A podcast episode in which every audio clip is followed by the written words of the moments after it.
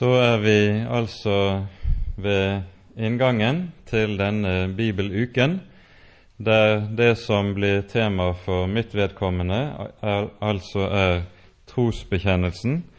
Og eh, med det mener vi jo da gjerne den apostoliske trosbekjennelsen i denne sammenheng, som vi så skal se litt nærmere på. Og Som nevnt kommer vi til å gjøre det sånn denne første kveldsstunden at det blir en sort innledningstime der vi skal se på to ting. For det første litt grann på dette med bekjennelse. Hva er bekjennelse? Hvorfor har vi i det hele tatt bekjennelse?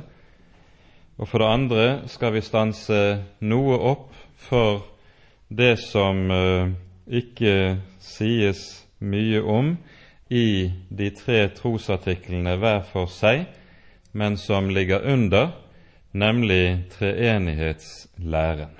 Det at den Gud vi tror på og bekjenner, er en treenig Gud. Men la oss nå be sammen før vi begynner. Kjære gode Herre og Hellige Far. Så kommer vi til deg og kaller på ditt hellige navn. Herre, det er slik som det har vært sagt, uten at du kommer med din Hellige Ånd og bygger og gjør din gjerning, er alt vårt forgjeves. Og derfor ber vi deg, Herre, forbarm deg over oss. Kom til oss, Herre du, og åpenbar dine ord, for at vi må få se deg og kjenne deg, og få lov til å eie livet i ordet ditt. Så ser du, Herre, hva hver og en av oss som er til stede, trenger til. Se til den enkelte Herre, du, med din Hellige Ånd, og gi mat til hver enkelt. Det ber vi for Jesus skyld, og takker og lover deg, Herre, fordi du er god, og din miskunnhet varer til evig tid. Amen.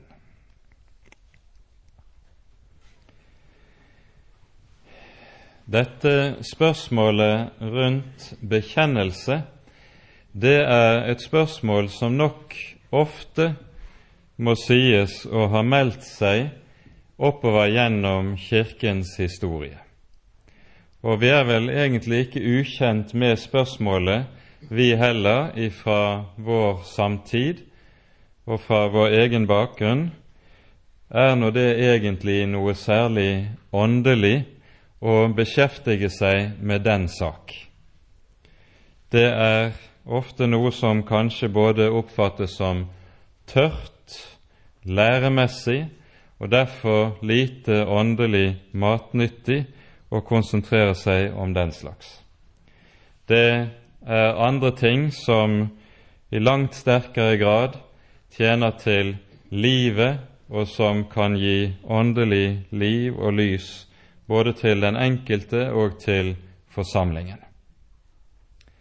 Men nettopp denne måten å tenke på, den avslører kanskje noe av det som er, tør jeg vi tøl si, noe av et åndelig grunnproblem innen mange kristne sammenhenger i våre dager, i det en nemlig har satt et skille mellom lære og liv. I det det likesom ligger under at det som er rent læremessig å forstå, det er nokså langt ifra det friske, det pulserende åndelige livet.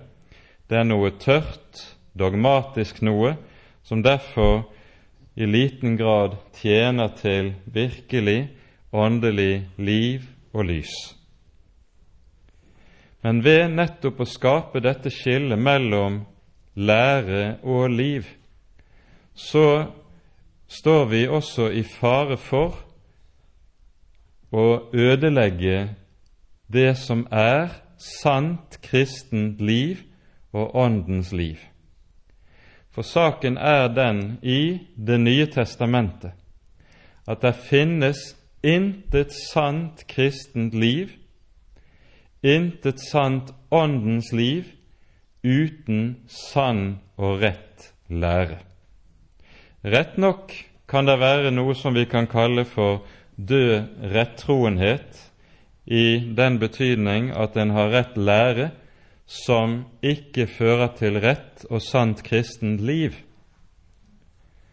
Og intet er det Herren Jesus heller vil påtale så skarpt som nettopp det, der troen sitter i hodet og ikke i hjertet.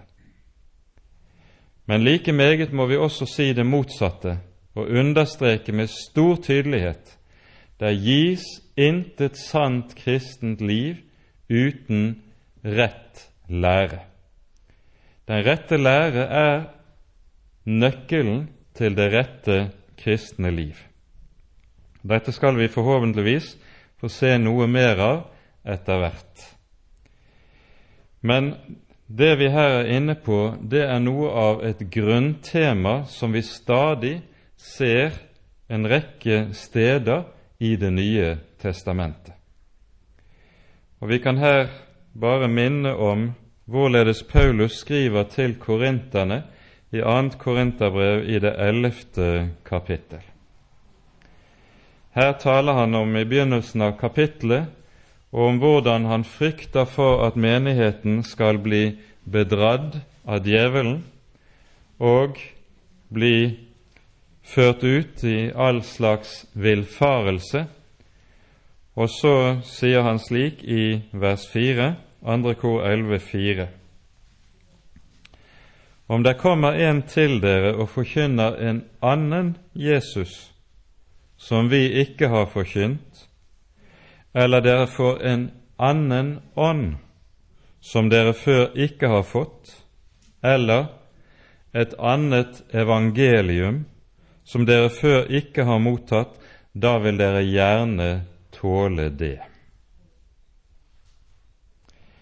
Det Paulus her påtaler i korintermenigheten, er at det i denne menighet var kommet inn en ånd som i meget sterk grad minner om det vi også kan kalle for den moderne ånd, og som er preget av det vi kaller for toleranse. Ordet toleranse kommer nettopp av et verb i latin som betyr å tåle og akseptere motsetninger, og det er nettopp det korinterne gjør.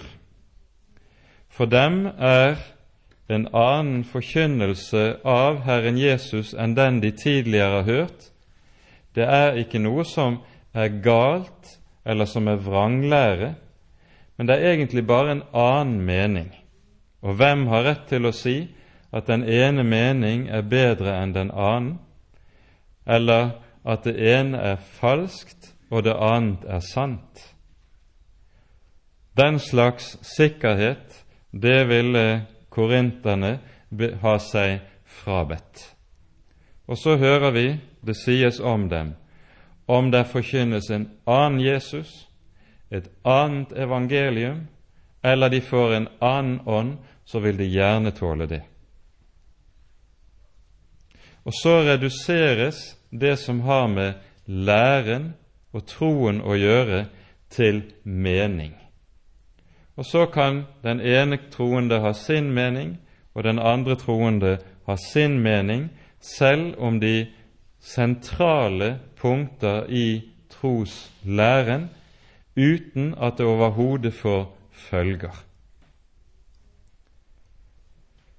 Når vi leser om hvordan apostelen selv, sammen med de øvrige apostlene, forholder seg til denne slags undervisning og forkynnelse, så møter vi noe ganske annet hos apostlene enn i Korint. I Galaterbrevet leser vi slik i det første kapittelet. Her leser vi fra vers 8 og fra vers 9. selv om vi eller en engel fra himmelen forkynner dere et annet evangelium enn det vi har forkynt dere, han være forbannet. Som vi før har sagt, så sier jeg òg nå igjen, om noen forkynner dere et annet evangelium enn det dere har mottatt, han være forbannet. Her hører vi ikke stort av den korintiske toleranse. Og det som ligger bakom når Paulus taler på denne måte, det er at han sammen med de øvrige apostlene vet en sak meget klart og meget bestemt. Det evangelium som han er betrodd å forkynne, er det budskap ved hvilket mennesker kan bli frelst. Og mennesker kan ikke bli frelst ved noe annet budskap. Derfor er det ingenting han er mer nøye med enn nettopp forkynnelsen av evangeliet. Han er nøye med hvorledes det forkynnes. Han er nøye med sannhetsinnholdet i forkynnelsen. Og Den samme ånd som vi møter hos Paulus her, den møter vi også eksempelvis hos apostelen Johannes, som gjerne kalles for kjærlighetens apostel. I hans første brev, i det fjerde kapittel, hører vi han tale om vranglærerne, som da er av en annen type eller en annen art, men dog det er noe av den samme ånd som vi møter hos Paulus. Vi leser 1. Johannes 4 fra vers 1 av. Dere elskede, tro ikke enhver ånd, men prøv åndene om de er av Gud, for mange falske profeter er gått ut i verden. På dette skal dere kjenne Guds ånd. Hver ånd som bekjenner at Jesus er Kristus, kommet i kjød, er av Gud og hver ånd som ikke bekjenner Jesus, er ikke av Gud, og dette er antikristens ånd. Dette skal vi komme tilbake til nærmere i forbindelse med annen trosartikkel når vi taler om det, men vi ser det er samme prinsipielle grunnholdning hos apostelen Johannes som hos Paulus når det er tale om vranglære, dvs. Si fordreining av Guds ord, av evangeliet. Dette har det med seg at den kristne kirke alltid, så sant den har vært en levende kirke, har hatt ett bestemt kjennemerke. Den har vært en kirke som har stått i strid, nemlig kjempet for å bevare sannheten, og dermed også stått i strid i kamp mot enhver forvrengning eller fordreining av sannheten. Det har alltid vært Kirkens kjennetegn, like fra apostlenes dager frem til vår egen tid. Den kirke som ikke er villig til å kjempe for sannheten etter Guds ord, den opphører også å være en sann kristen kirke. Så avgjørende er denne sak som vi her er inne på. Med det som nå er påpekt, så er vi dermed også kommet frem til det vi skal tale om når det gjelder bekjennelse. For når den kristne kirke meget tidlig begynte å utmeisle bekjennelser, så var det nettopp for å kunne ha et klart og tydelig ord å vitne imot vranglæren. De kristne bekjennelser hadde derfor alltid dette som noe av sitt bakteppe. Det var noe som menighetene, den enkelte troende, og den kristne kirke som fellesskap holdt frem overfor avvik fra Guds ord. De første stammene til slike bekjennelser som vi har f.eks. i den apostoliske trosbekjennelsen, de finner vi, og de kjenner vi, allerede fra rundt år 150 etter Kristus. Da vi, befinner vi oss i Rom, vel 50 år etter apostelen Johannes død, 70 år kanskje, par og 70 år etter Paulus og Peters død. I Roma finner vi bekjennelser som de nye kristne som skulle døpes, skulle avlegge før sin dåp. Og Disse første bekjennelsene som vi kjenner fra menigheten i Rom, de er temmelig like det som vi kjenner i den apostoliske trosbekjennelse, som vi altså vanligvis bruker som gudstjenestebekjennelse. De som har arbeidet med dette og les lett rent arkeologisk, de har etter hvert kunnet grave frem og finne lignende bekjennelser fra hele den kristne kirke rundt Middelhavet mellom år 150 og år 200. De var ulike i detaljer, men likevel lignet de sterkt på denne Roms dåpsbekjennelse. Og Det som da ligger bakom disse dåpsbekjennelsene, det er en viktig grunnholdning som Paulus gir uttrykk for i første Timotius brev i det Unnskyld, i det annet Timotius brev i det første kapittelet.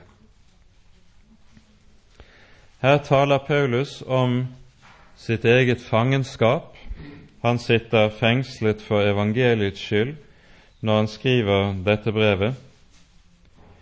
Og så understreker han at det har dog ikke ført til at han skammer seg over evangeliet.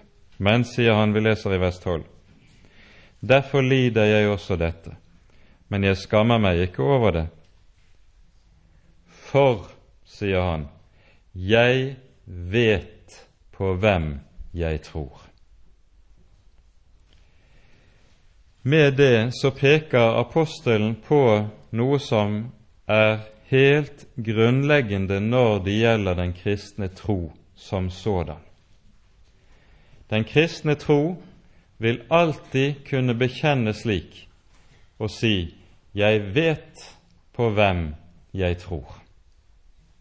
Og slik kan den kristne tro bekjenne av én en enkelt grunn, fordi det å tro på Herren Jesus og eie det evige liv, det beskriver Jesus selv som å kjenne Herren.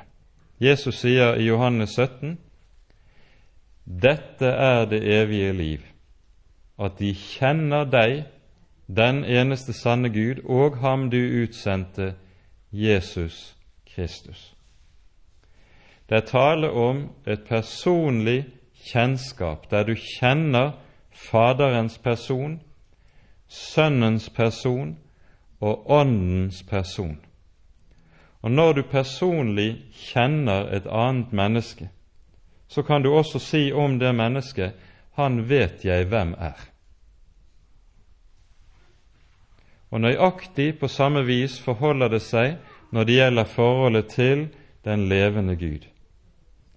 Når du har lært ham å kjenne, så kan du også om ham si, Jeg vet på hvem jeg tror. I dette ligger det en veldig frimodighet. En kristen står ikke med hatten i hånden og ber om unnskyldning for sin tro. Nei, frimodig kan han si 'Jeg vet'. Her er det ikke noe av tåke og uklarhet som sier det at Gud er så langt borte, han kan vi ikke kjenne. Gud bor i det dulgte og i det mørke. Han kan intet menneske stifte nærmere bekjentskap med, og dermed heller ikke uttale seg med bestemthet om. Nei, slik taler ikke kristne. Den kristne tro har tvert om dette som sitt kjennemerke. Den kan si 'jeg vet', med den største frimodighet. Og Bakom dette ligger jo det som Jesus selv også understreker i Johannesevangeliet i det sjette kapittelet, når han siterer fra profeten Jesaja, som sier:" De skal alle være lært av Gud. De skal være lært av Gud. Og når Gud lærer et menneske, så taler han ikke hen i tåken. Da taler han slik at du får se lys i hans lys, og så lærer du ham å kjenne. Jeg vet på hvem jeg tror. Det er nettopp denne frimodige tros visshet og sannhetsbevissthet som ligger bak de første kristne bekjennelsene og all senere bekjennelsesdannelse i den kristne kirke. Selve ordet som vi kaller for å bekjenne, det er et ord som kommer fra Det nye testamentets greske språk, og det betyr det greske ordet bokstavelig å si det samme som. Når jeg bekjenner, så sier jeg det samme som en annen har sagt fore. Hvem er det som har sagt meg noe fore? Jo, det er Gud i Hans ord. Derfor er en kristen bekjennelse og trosbekjennelse det er ikke noe tillegg til Guds ord. Det er ikke slik at vi tror på Guds ord pluss noe som kommer i tillegg utenom ordet. Nei, bekjennelsene er intet annet enn en kortfattet sammenfatning av grunnsannhetene i Guds ord. Og bekjennelsen har aldri ønsket å være noe annet enn en bekjennelse til Ordet, som skal si det samme som Gud sier til oss i sitt ord. Og slik er det ment å være en hjelp for Guds folk til å ha klarhet i troen, imot anfektelse, imot vranglære og imot alle som vil forvrenge og forvirre oss med tanke på det som er den grunn som er gitt oss å stå på. Når bekjennelsen har denne rolle, den består altså i det å si det samme som, så innebærer det dermed også at en slik bekjennelse, det er også den kristne menighets og kirkes faktiske grunn. Og Dette er noe som vi ser i en nøkkeltekst som er gitt oss i Matteusevangeliet i det 16. kapittelet. Her er det jo slik at Jesus er kommet til et tidspunkt i sitt virke der han nå går avsides med disiplene for å få mer tid med dem til å undervise dem på, i fred og ro. Dette er mye på grunn av den voksende motstand blant fariseerne. Og mens de nå er i traktene ved Cesarea Filippi, stiller Jesus disiplene spørsmål hvem sier folk at jeg er? Og får så til svar noen sier så, noen sier så. Noen sier døperen Johannes, andre profeten Elias, andre osv. Det er mange meninger om Jesus. Slik sett er det ingen forskjell på det som er i dag, og det som var den gang. Det er mange meninger om Jesus. Men så stiller Jesus spørsmålet videre, og nå leser vi fra vers 15. Men dere, hvem sier dere at jeg er? Da svarte Simon Peter og sa, Du er Messias, den levende Guds sønn. Og Jesus svarte og sa til ham, Salig er du, Simon Jonas' sønn.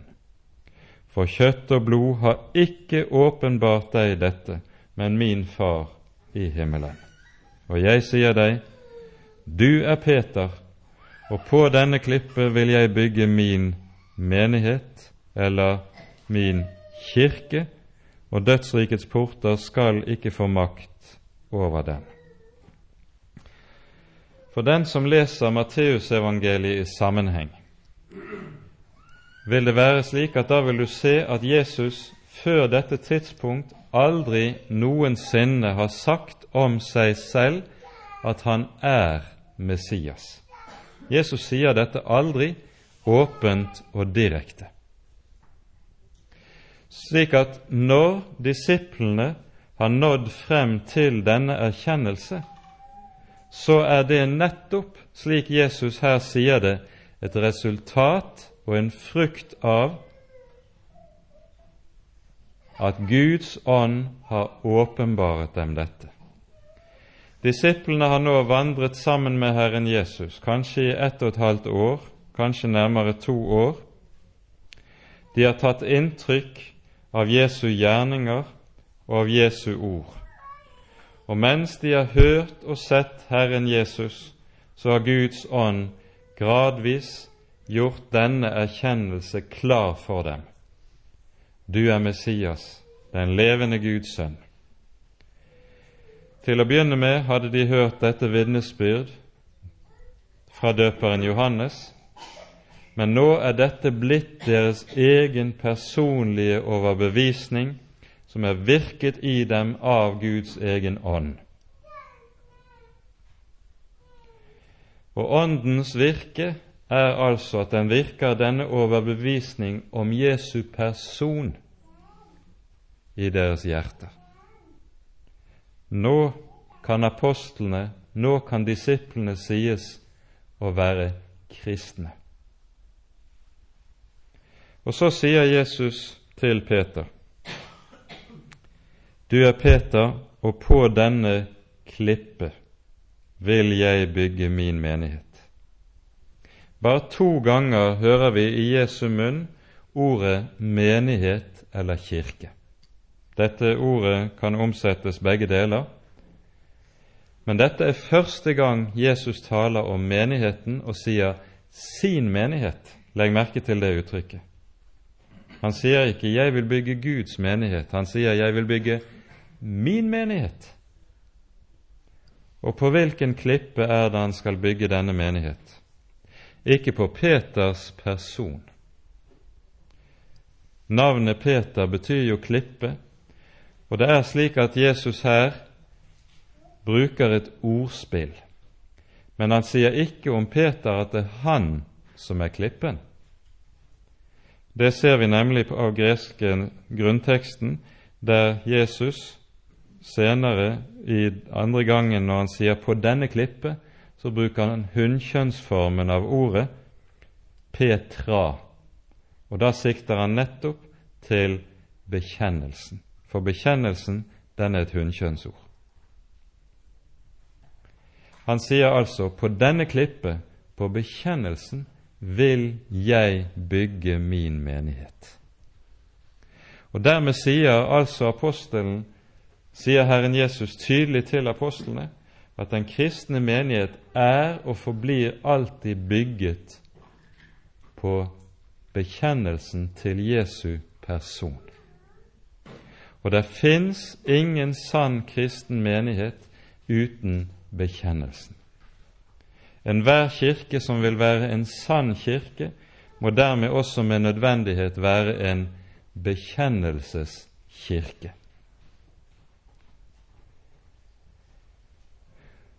Derfor er det vi altså hører at det å bekjenne senere i Det nye testamentet tillegges meget stor vekt.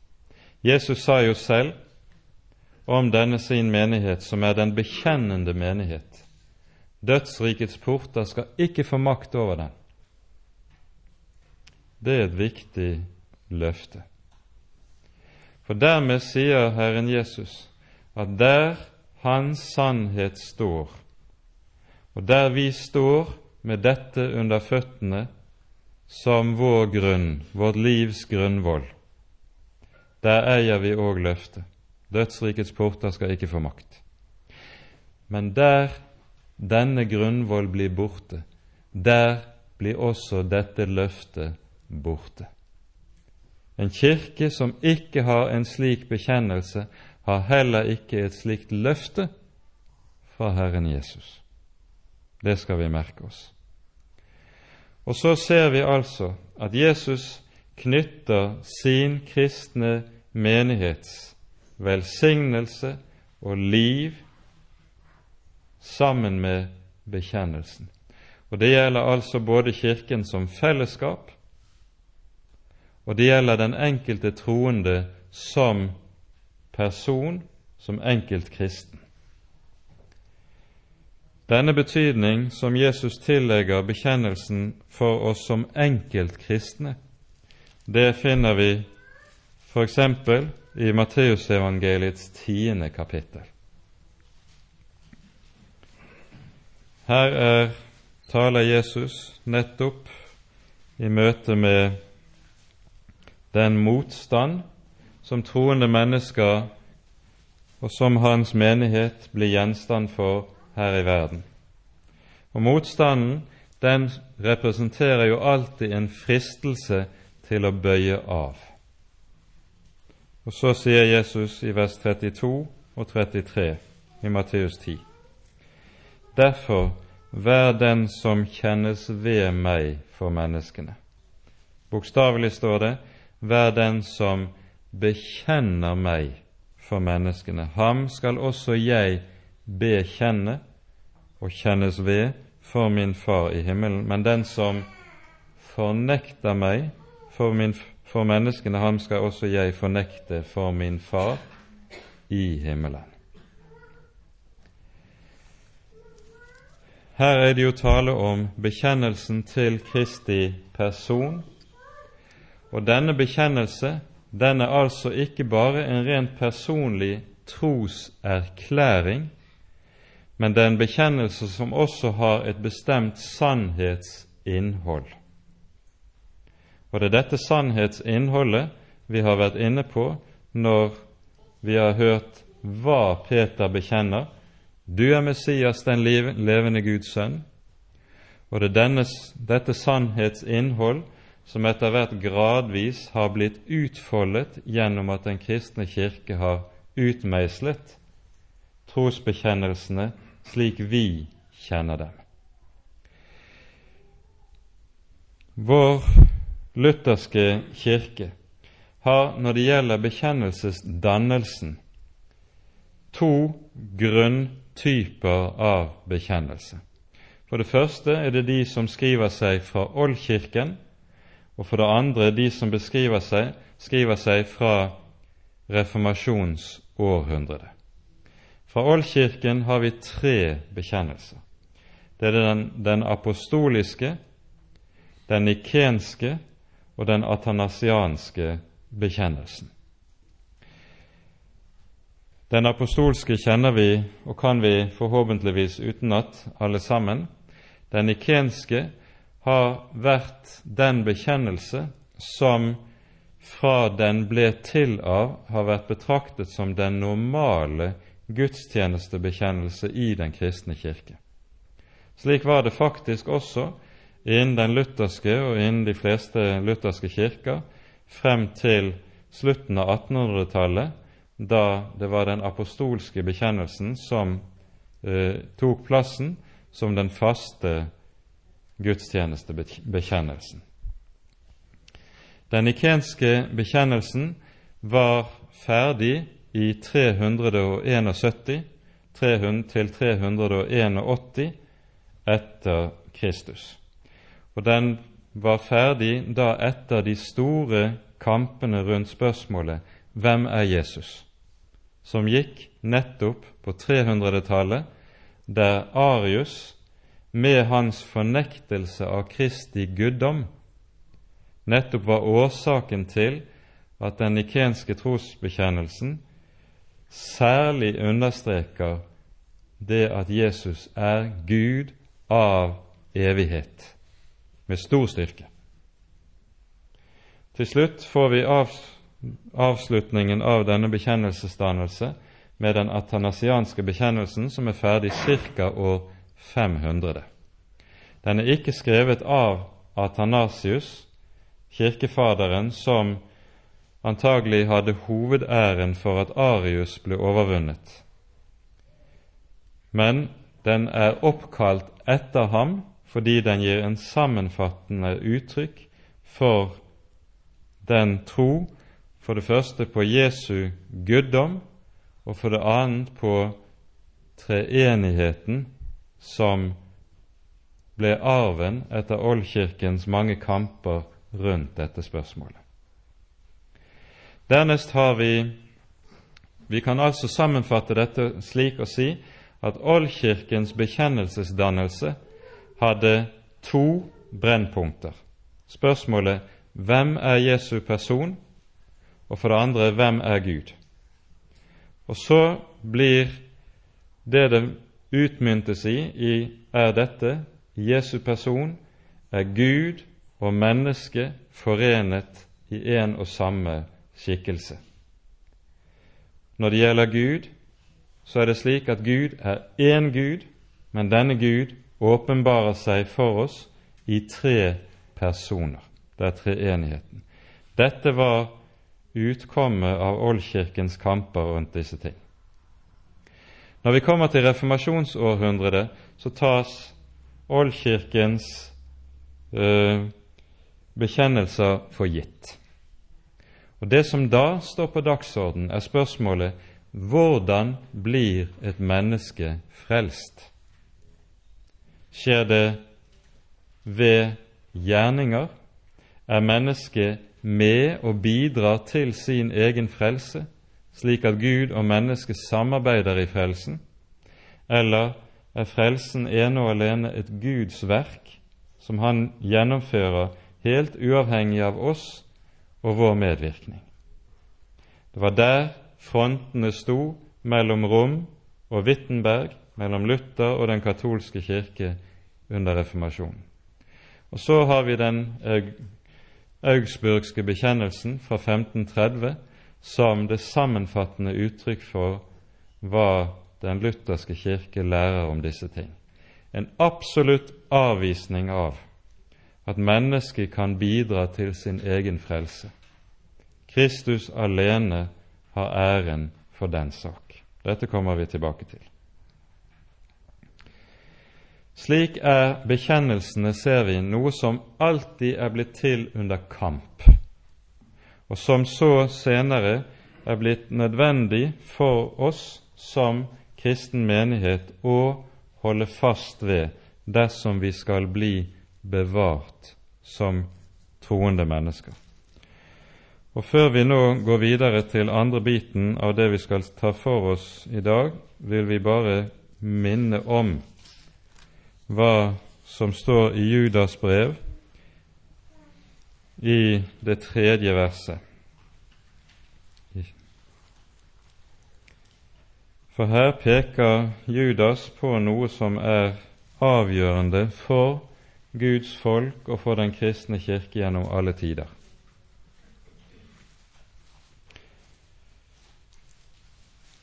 Judas brev, vers 3. Dere elskede, mens jeg gjorde meg all flid for å skrive til dere om vår felles frelse, så er jeg meg nødt til å skrive til dere med formaning om å stride for den tro som en gang for alle er overgitt til de hellige. Altså, dette er gitt som en apostolisk formaning til Guds folk. Det er tale om at troen er noe som er gitt én gang for alle. Det skal vi merke oss nøye. Troen er ikke noe som utvikler seg, som forandres med tiden, og som derfor kan moderniseres. Om så var tilfellet, da kunne vi godt kaste de gamle bekjennelsene over bord og lage oss en tro for dagens mennesker, som vi også er kjent med at det har vært forsøkt stadig på ny de siste 200 år. Men moderniserer du troen, så ligger det i det en fornektelse av dette grunnleggende. Troen er gitt en gang for alle. Den er nemlig gitt i de hellige skrifter. Og så sies det dere skal stride for denne tro. Det er ikke noe som en kristen skal være fredsel med og i forhold til når troen fornektes. Troen er nettopp noe som aktivt skal holdes frem og kjempes for, for slutter vi å kjempe for troen, vil det alltid føre til at vi mister troen. Dette blir det kanskje også mulighet til å komme tilbake til, men legg merke til denne apostelens formaning. Derfor er det altså slik at det å stride for sannheten i Guds ord, det er noe som aldeles ikke er uåndelig. Det er noe som, og det er slett ikke noe som skulle være forbudt og ulovlig i kjærlighetens religion. Nei, det er aldri slik i Guds ord at du kan spille kjærligheten ut mot sannheten og si at bare man har kjærlighet nok, da holder man fred. Nei, vi se, hørte apostelen Paulus, apostelen Johannes, tale meget klart om at skillet mellom sannhet og løgn må og skal opprettholdes. Så blir en kanskje ikke populær om en kjemper for sannheten, men det er det som er en livsnødvendighet for Guds folk. For uten denne kamp så vil Guds folk falle i søvn og komme til å gå inn i døden. Med det setter vi punktum for denne bit, og så går vi over til del to i det vi skulle tale om, ganske kort, nemlig at når vi i den apostoliske bekjennelsen møter en bekjennelse til Fader, Sønn og Hellig Ånd, så møter vi her en bekjennelse til de tre personer i Gud som dog vi understreker er én Gud. Kristen tro er ikke tro på tre guder, men det er tro på én Gud. Men denne Gud har altså åpenbart seg for oss som og i tre personer. Denne Guds treenighet, skal vi merke oss, er åpenbart meget tydelig og meget klart både i Det nye og i Det gamle testamentet.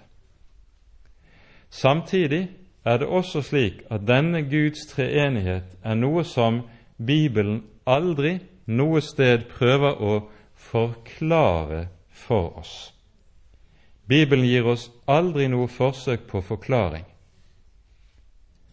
Fordi det vi her står overfor, det er et troens mysterium. Gud kan vi nemlig ikke gripe og begripe i Hans treenighet. Og vi må aldri tro at verken bekjennelsene eller læren og teologien rundt disse ting er forsøk på å forklare. Nei, det er det aldri dersom det er sant. Det er i stedet kun uttrykk for å søke klarest mulig å si hva Guds ord lærer om denne sak. Og så skal Guds ord med dette stille oss innenfor den levende Gud, som er tre personer i én Gud, mysterium. Og innenfor mysteriet er det bare ett som sømmer seg for oss, og det er tilbedelse. Slik skal en kristen også forholde seg til det vi kan kalle for treenighetsmysteriet. Treenigheten er omtalt allerede, eller enklest og mest kortfattet, i misjonsbefalingen, der Jesus sier Gå ut og gjør alle folkeslag til disipler idet dere døper dem i Faderens, Sønnens og Den hellige ånds navn. Vi døpes i den treenige Guds navn. Og Når vi så finner den apostoliske trosbekjennelsen, så er den intet annet enn svar på spørsmålet Hvem er Faderen du døpes til? Hvem er Sønnen du døpes til? Hvem er Ånden som du døpes til, og som vi altså tror på? Kortfattet er dette forklart der. Men dette inngår i hele Det nye testamentets budskap.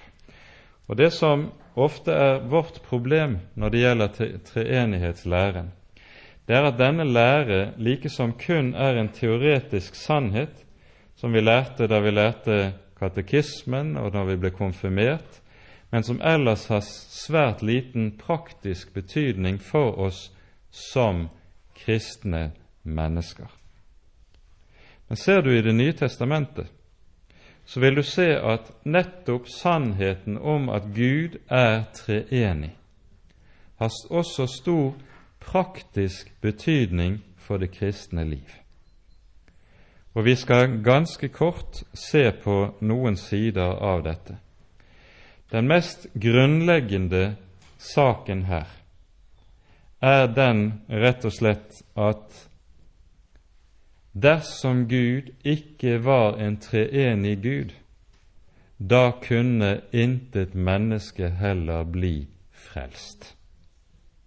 Sannheten om at Gud er tre personer i én guddom, det er betingelsen for hele frelsen. Det ser vi av flere trekk ved det Det nye testamentet har å si oss om frelsen men vi vil ganske kort bare minne om én en enkelt sak. I 1. Johan, unnskyld, 1. Johannes brev, i det annet kapittel, kalles Jesus for talsmannen. Det står slik Dersom noen synder, da har vi en talsmann hos Faderen, nemlig Jesus Kristus, den rettferdige. Dette ordet talsmann er uhyre viktig. Det er et ord som bokstavelig betyr en som er tilkalt, nemlig for å komme en annen til hjelp. Jesus er altså blitt tilkalt for å komme oss til hjelp, nemlig være vår frelser. Så kunne vi stille spørsmålet hvem er det som har tilkalt Jesus for at han skulle komme oss til hjelp og bli vår frelser? Er det mennesket? Kom Jesus og led døden på korset fordi at menneskeheten samlet ba ham om å komme, i bevisstheten om at de selv ikke var i stand til å finne veien tilbake til paradiset og åpne den himmel som var stengt. Var det derfor han kom? Nei. Når Jesus er tilkalt, så er han tilkalt av Faderen. Når frelsesverket skulle fullbyrdes, så er det Faderen som tilkaller sin sønn og sier:" Nå skal du, min sønn, stige ned i dypet. Gå inn i mørket, ta på deg menneskehetens skyld og byrde og på den måten skal du gjøre det som intet menneske er i stand til. Du skal bli frelser. Faderen tilkaller Sønnen for at Sønnen skal bli frelser. Dernest, når dette frelsesverk så er fullført og fullbyrdet, hva gjør Faderen da? Jo, da tilkaller Faderen den tredje personen i guddommen, nemlig Ånden. Jesus sier nemlig om seg selv at når han er opphøyet og går til Faderen, hva skal han da gjøre? Da skal han sende en annen talsmann, vi kunne si en talsmann nummer to. En som altså også er tilkalt av Faderen for at han skal tilveiebringe frelse. Og det den annen talsmann gjør, hva er det? Det er at han åpenbarer, herliggjør og baner vei for den første talsmann og hans frelsesgjerning, slik at Jesus kan bli trodd, kan bli mottatt, mennesket kan bli født på ny, bli rettferdiggjort og helliggjort ved hans gjerning. For heller ikke dette er noe mennesket er i stand til å gjøre selv. Og så ser vi at Faderen, Sønnen og Den hellige ånd virker sammen til å frelse falne syndere. Den treenige Gud frelser mennesket i en gjerning han virker og gjør sammen. Men det er én Gud, ikke tre guder. Når vi likevel sier at denne ene Gud åpenbarer seg som tre personer, hva mener vi med det? I det ligger det nøyaktig det samme som vi mener når vi taler om et annet menneske som en person. Et annet menneske kan nemlig si 'jeg' om seg selv, og når han taler til meg, sier han 'du'. Og når dette 'jeg' og dette 'du' står overfor hverandre, kan de tre inn i samfunn og i fellesskap med hverandre. Et slikt fellesskap kan kun og utelukkende finnes mellom personer. Du kan ikke ha fellesskap med en stein. Du kan ikke ha fellesskap med et tre. Du kan ikke ha fellesskap med en fisk eller en flue eller en hund. Du kan kun ha fellesskap med personer slik som mennesket er, som er skapt i Guds bilde. Og i Gud er det altså tre personer som alle sammen trer inn til meg og til deg og sier 'jeg'. Så kan du tre frem for Faderen og stå i personlig samfunn med ham og kalle ham Far, Abba, du er min Gud og min Far så kan du tre inn for Guds sønn og tiltale Han som din frelser, som din Herre og som din redningsmann, og stå i personsamfunn med ham. Og likeledes kan du tre inn for Ånden, tiltale Han som din hjelper, som din trøster, som din helliggjører, og stå i personsamfunn også med Den hellige ånd. Men disse tre er én Gud. Der er ikke tre guder. Og vi skal ikke prøve verken å forstå eller forklare det. Men innenfor denne Gud sømmer det seg én ting at vi bøyer oss for ham i tilbedelse, i undring og i takksigelse for hans gjerning. Denne praktiske betydning som vi har vært inne på, som treenighetslæren har for oss som kristne, det kommer altså for det første til uttrykk i det grunnleggende i selve frelsen. For det andre kommer det til uttrykk i gudsforholdet, slik som vi ber. Her er Kirkens bønner slik vi har det i Kirkens liturgi, noe av en lærebok for oss på dette området. Og jeg vil minne dere om og be dere om Dette er noe som kanskje ikke er så vanlig å gjøre. Men hør etter når kollektbønnen bes i gudstjenesten. Kollektbønnen er den bønn i gudstjenesten som bes før tekstlesningene kommer i liturgien. Og kollektbønnene er alle sammen bygget opp på en meget bestemt måte som ikke er tilfeldig. Bønnene bes til Faderen. Hellige Gud, himmelske Far, begynner de gjerne med, f.eks. Deretter takker man Faderen for hva han har gjort. Vi sier vi takker deg fordi du i din Sønn har gitt, har gjort sånn og sånn for oss. Nå ber vi, at, og så kommer bønnen, at du ved din Hellige Ånd også må gjøre dette virkelig for oss som sitter her.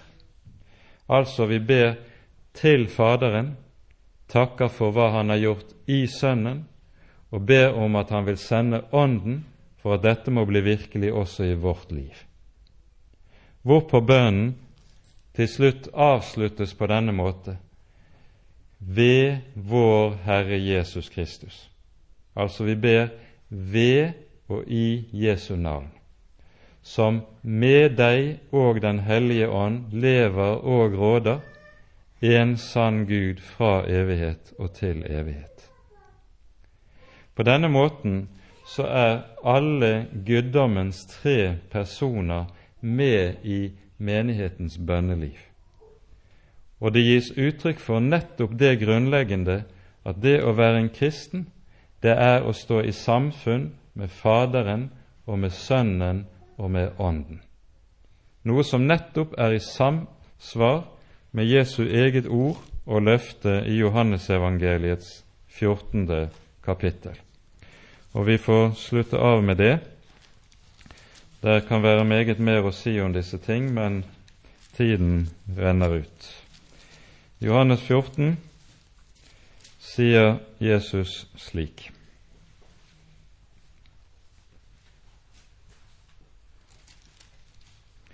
vers 23. Etter at han har undervist om at han vil sende Ånden, så sies det i vers 23 altså Jesus svarte og sa til ham, om noen elsker meg, da holder han, dvs. Si, da tar han vare på mitt ord, og min far skal elske ham, og vi skal komme til ham og ta bolig hos ham. Her taler altså Jesus selv om at den treenige Gud kommer og tar bolig hos den enkelte troende. Faderen, Sønnen og Den hellige ånd. Han taler ikke og sier at 'jeg vil komme til ham og ta bolig hos ham'. Han sier 'vi'. Legg merke til det. For det kristne liv det består nettopp i samfunn med denne treenige Gud. Faderen, Sønnen og Den hellige ånd. Denne Gud tror vi på, denne Gud bekjenner vi, denne Gud ber vi til og tilber vi, og denne Gud lever vi i samfunn med. Vi vil komme og ta bolig hos ham. Med det får vi sette punktum. Det ble i all korthet, men eh, det kunne ikke bli annerledes på grunn av tiden. Ære være Faderen og Sønnen og Den hellige ånd, som var og er og være skal, en sann Gud, høylovet i evighet. Amen.